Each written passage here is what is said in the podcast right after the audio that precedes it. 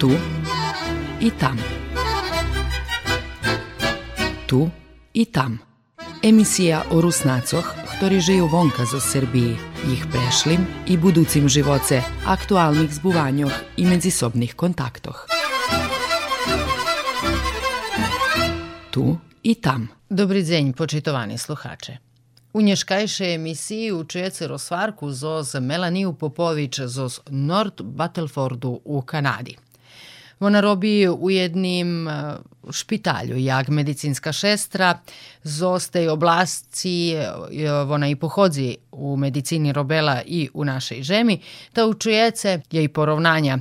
Roboti tu i u Kanadi, učujece o tym, że jaki život Rusnacoh u Nord Battlefordu i jaka perspektiva za ich dzeci. To bolnica Long Term Care, u ktorej máme štyri odzelenia i kolo 130 uh, rezidentov, pacijentoh. Odzeljenje na ktorým ja robim to palliative care, gdje uglavnom prihodza rezidenti ktorí mali abo šlog, abo problema so šercom, uh, diabetičare i karcinomi i rižni drugi horoti. Međutim, za rozliku od Srbiji, gdje, um, z mojho vlastného iskustva, nie baš veľo mesta, kde še môžu ličiť z rezidenti, pacijenti, ktorí majú takí problémy, ktorí u stvari umerajú. Na tým odzeljenju gdje ja robim, znači to ti rezidenti šeljiča i žiju može uspod 15 roki. Hođim to jak nejaka zadnja stanica gdje prišli.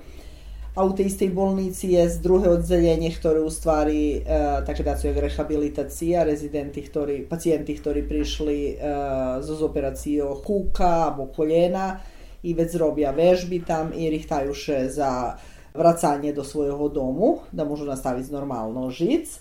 Treće odzeljenje to e, odzeljenje za e, pacijenti s demenciju i uglavnom to zamknute odzeljenje i štvrte odzeljenje za pacijenti koji imaju problema s spravovanjem, jak keď by sme prevedli, je to u stvari ktorí znaju buď agresívni, alebo majú nejaký mentálny problémy. Ja robim jak continuing care assistant, to také da su jak negovateljica za tih pacijentov. To državna ustanova, gdje ja robim i prek governmentu ide i placenje i šitsko i većina pacijentov placa za sebe, dok drugi, ktorí nemajú sredstva, a pogotovo veľo pacijentov, ktorí First Nation, oni uh, veľa im država dotira za toto placenje da on, oni môžu ostať u tej bolnici. First Nation to indijanci. Politično korektno povest, že oni First Nation i mi ih volame First Nation, a oni za sebe možu povest, že su indijanci. Na mojim odzeljenju u smeni nas robija PACE Continuing Care asistenti, prezdenj, smeni po 12 odzini i robija obično dva medicinski šestri, jedna od 7 rano, jedna od 9 i jedna hlavna šestra.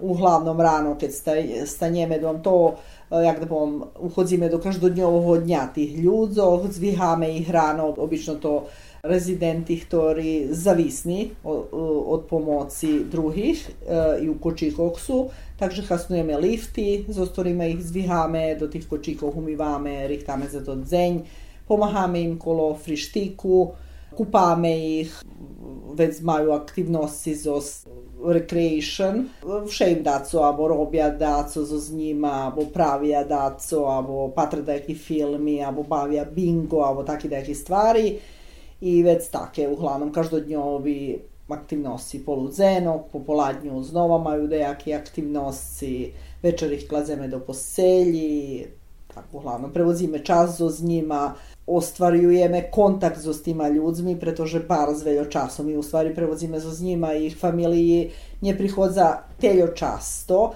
holjem uvekšini rezidentoh, takže mi u stvari tak jak ich familija idu, to ti rezidenti nas čekaju da mi prizeme, Ja teraz do Srbije, kad sam trebala putovac, eh, večina tih rezidentov, ktori psihološki svesni doma, vam jedinom fizički imaju neke očkodovanja, oni šitski mi požadali šćeš ljudrahu, da še prino prevezem, pa že im budem nedostavac dok sam tu i tak, uglavnom. Posle sam mešaco, gde sam robela u jednim dučanu i e, na dekoraciji tortoh, som rišala, že prejdem do bolnici i mohla som takoj počať zrobiť u tej bolnici s tým, že som mala úslov, že za, u roku od dvoch rokov musím položiť i dobiť certifikat Continuing Care Assistant. Spočátku mi bolo baš češko, pretože som ne, neznala anglísky jazyk, znala som nevda skeľo slova.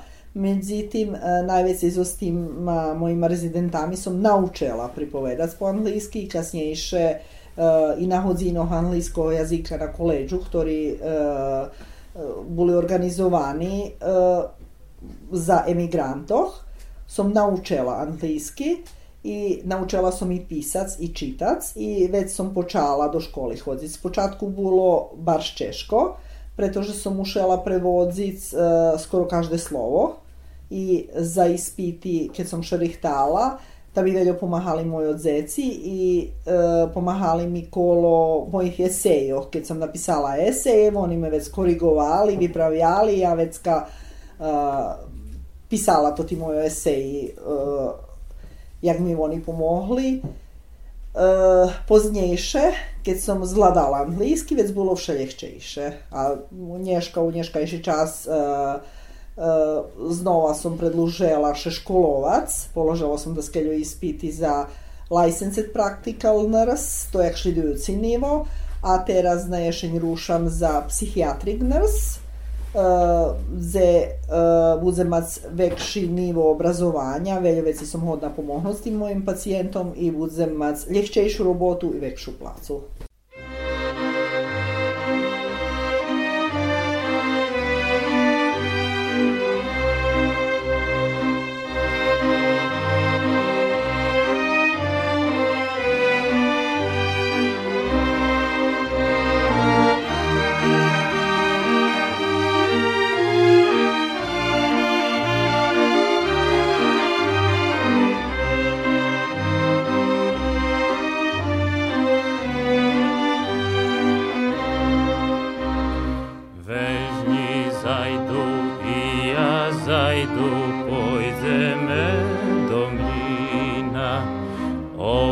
איתם אשם לי נרץ אותם זנובינה.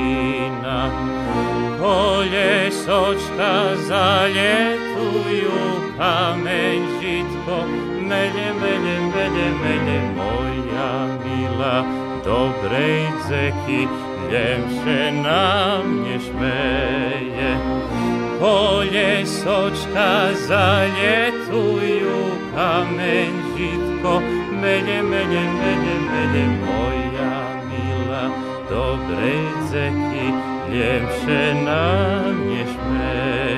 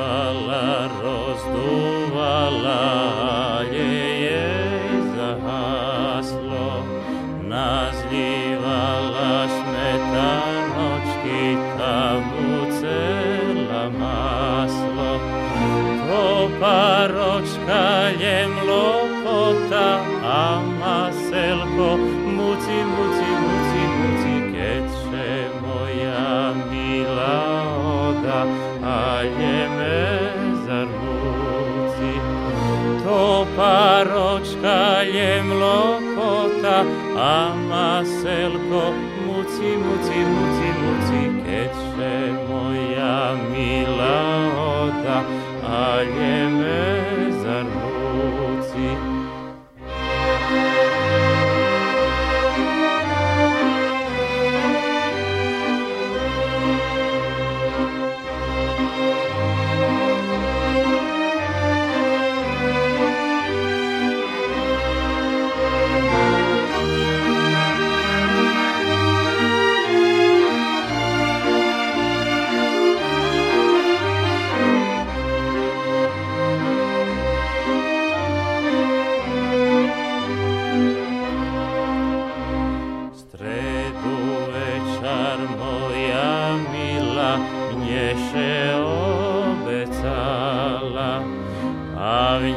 Slavnje celjuše uz drugim razohlašovala.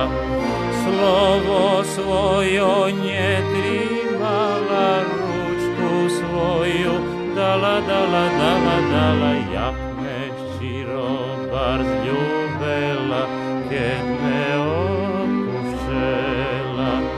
Slovo svojo nje trimala, ručku svoju dala, dala, dala, dala, jak me širo bar zljubela, kad me opuščela. nie bolo ľahko, pretože napríklad ja mala tu bars dobrú robotu u Verbaše na transfuziji.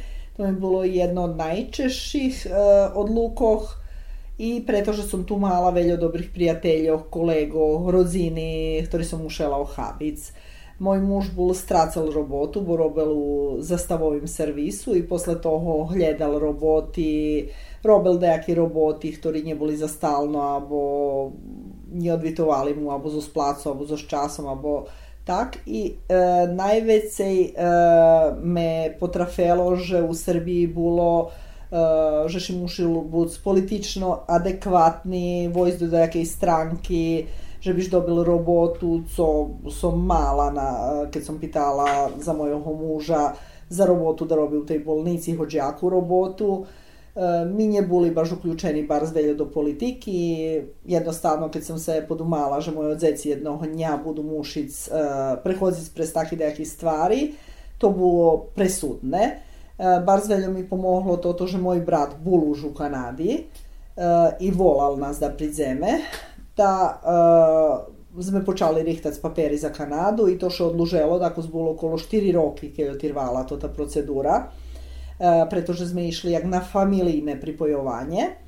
Međutim, posle 4 rokov to ta naša odluka vševeci dozrevala, že sme porihtani poist tam. I keď sme pošli do North Battlefordu, moji brad i nevesta nam bar zveljo pomogli na tih perših počatkoh, že Perše sme žili u njih, poznejšie nám uh, našli stan, u ktorým sme boli, uh, pomohli kolo hľadania roboty. Môj muž mal obezbedzenú robotu, ja hľadala robotu, kolo papierov, otverania papierov, to najviac moja nevesta chodzela so nami.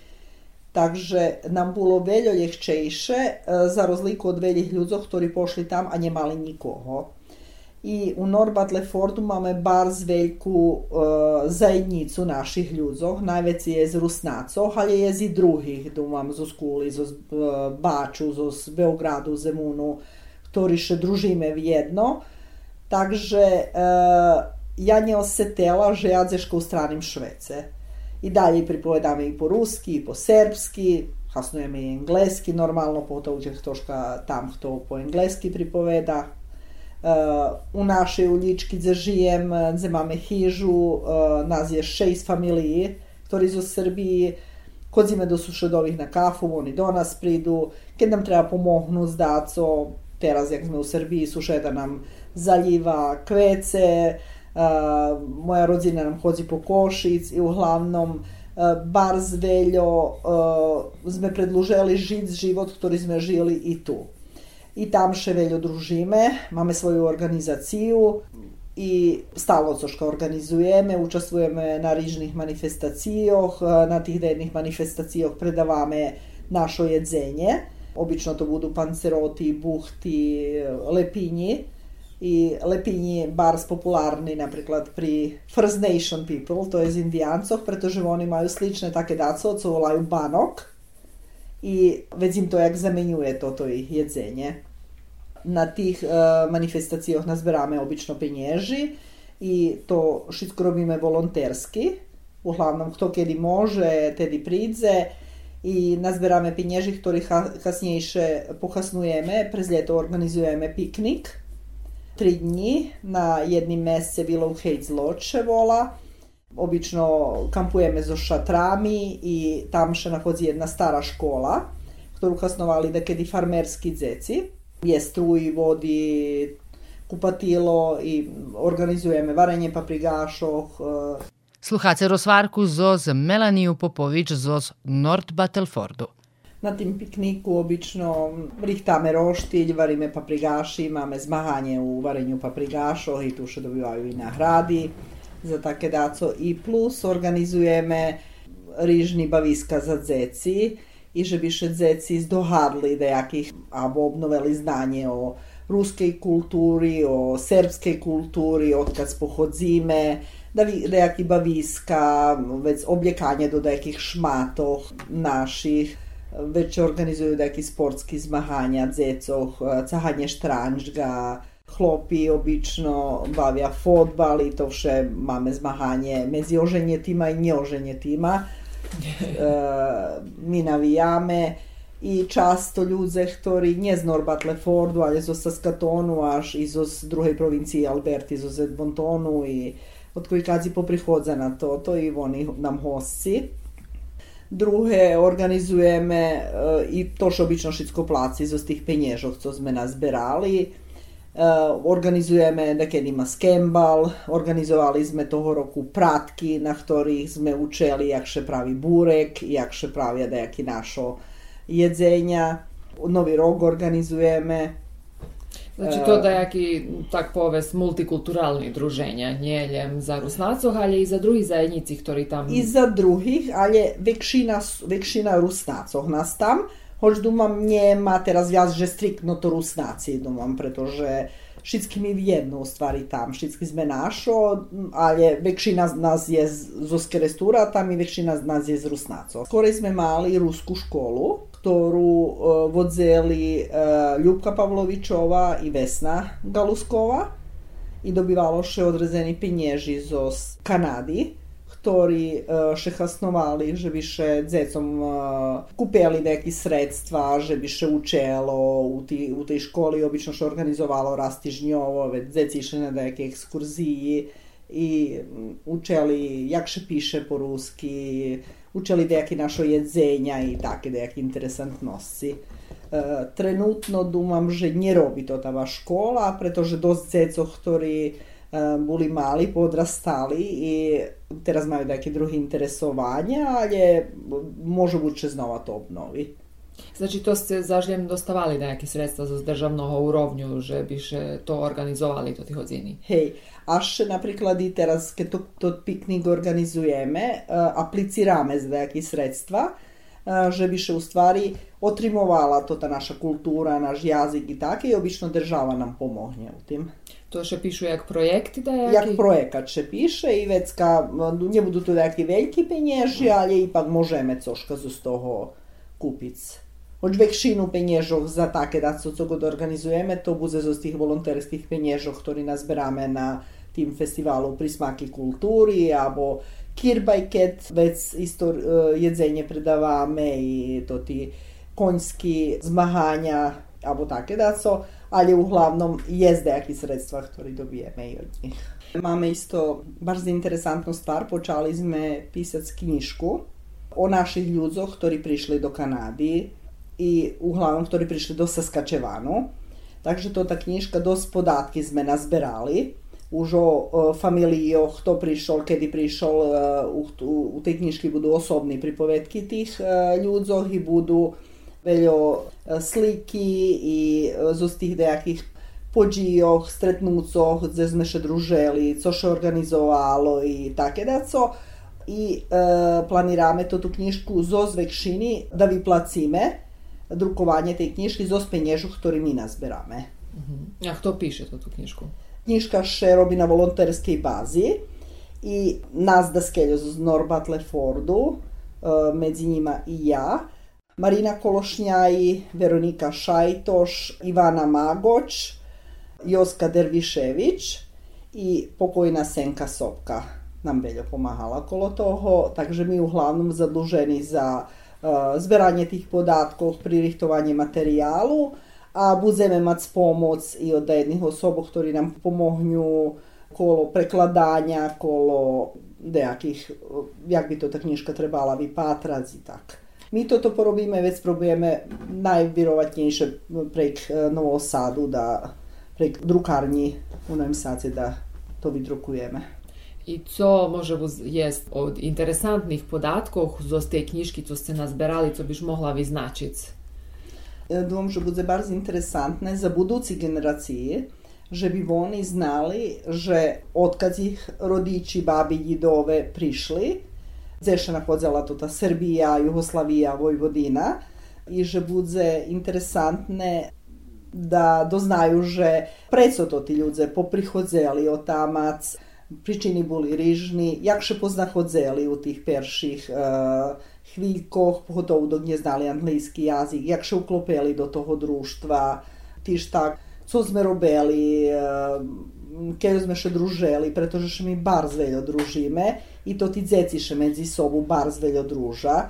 I e, da domže za da interesantne, že da ohabime deki šlit u tej kanadskej kulturi, že hto zme i co zme, e, potovu, napriklad, interesantne tam za rusnacoh, že u Kanadi je ukrajincoh, ktori imaju podobni prezviska jak mi rusnaci. I ktorí poprichádzali z Ukrajiny a ich všetkých položili, že sú Ukrajinci. U tej našej knižky, e, to neviem Rusnáci, doma máme i Serbov, máme i e, Mađarov i druhých e, národností, uglavnom, ktorí poprichodzeli zo z našich krajov, zo Srbiji, zo Horvátskej. Takže čisto da še ohabi nejaký šlit o nás v Kanadi. Co mi máme označené u tej knižky, kolo uh, 130 familií boli alebo prešli prez Norbat Lefort E, dosť familiše podseľovali, s tým, že ja že i, e, i dneška deň my máme kolo 60 familií Rusnácov, ktorí žijú tam. To tí generácii, ktorí našo dzeci, ktorí teraz žijú, oni dosť účastvujú u Eh, rižnih manifestacijoh, eh, pomahaju nam kolo predavanja jedzenja, družaše v jedno medzi sobu eh, i dost su povjazani. Vekšina ih išćevše zna i po ruski, i po mm, da denni po serbski, hoć doskrasno anglijski jazik. Teraz vše veci i to ti zeci preberaju, postavaju kanadžanje ale dumam, že e, toto i to ta knjiška i uopšte toto našo, našo to ti druženja i e, powiązanie tih dzecov medzi sobą, dumam, że predłużuje našo obstojanje jak e, w jakiej posebnej zajednici. Mi się uklopiujemy do tego kanadskiego društva i pozbieraliśmy daco tamac, ale ešte vše zatrimujeme i veľa toho svojho. Takže próbujeme toto i na to tí dzeci poprenošiť. Keľo še nám to pospíši, neznam, ešte uvidíme. Що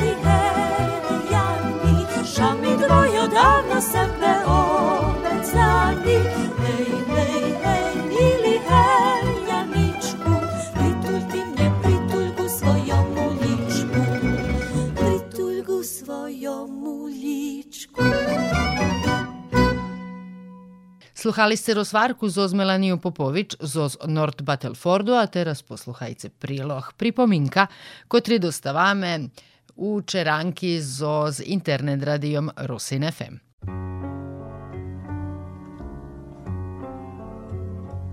Pripominka Chodze ráno nás vže budeť moroz, iši vse majeme astronomično osiň. Dni suť koroče jak noči i vse vece skoročajúcia. Teplota iduť vse neže i neže. I stromy ju opadať lestia, kotresia napered zafarbeť do rozmaitých fareb, jak na paleti. S tým ročnom periódom tak samo suť poviazané mnoho poslovici, citu na konkrétne dni, sviata, ako v to čas sviatkujeme, abo obše o oseny. V dnešní prepomínci soby paru poslovic o oseny pročítame. Našli sme ich v knižci Vasilia Bavoľaka s názvou Lemkivské prepovidka i prekázka zo sviatkov Veľkoj i okolic. V oseny vode leška a bolota dyška. V oseny i vorobeľ bohatej po žebrach nechodeť. V oseny i zajac vypasený. V oseny poticha je mich i do micha. V oseny pusto na dvori, ale tisno v komori. V oseny šťastia dla Hricia bol polná pivnica. Z osiňoj doroh nevyťahneš noh. Ide osiň horbom s polnom torbom. Osiň na kečeri peče komper. Osiň pokaže, kto jak zemľu maže. Oseň tlusta suď bandurk i kapusta. Oseň tomu daruje, kto jej prepelnuje. Oseň na slota neduže dožu a duže bolota. Pukať osiň do siň. Tepla osiň dolha zema. Toho osiň nedala, čo ho jar nezasíjala. Čím vece voseny vod, tým vece na jar pohod. Što voseny v komori, to v zemi na stoli. Što osiň zberať, to jar zidať. Što osiň zbere, to zima zísť. Što oseň prenese, to zema roznese. Što strateš voseny, toho na jar nenajdeš. Jak oseň bohatá snopami, to zema bohatá snihami. Jak oseň dolho teplo tremať, to náhli prejde zema. Jak oseň s tumanami, to zema so snihami. Jak oseň zahmlená, to zema zasnižená. Jak oseň pohydná, to bude ostra zema. Jak oseň tepla, to zema bude dolha i studená. Jak prejde oseň, každomu chosen. To len časť z mnohých poslovec prepovidok, ktoré majeme v našim národním folklóri. Iši šumnú oseň i šumnej týždeň vám žečiť Petro Medviť.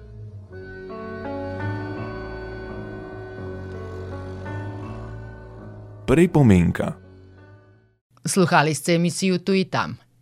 Ja Olja Homova. Do posluhanja.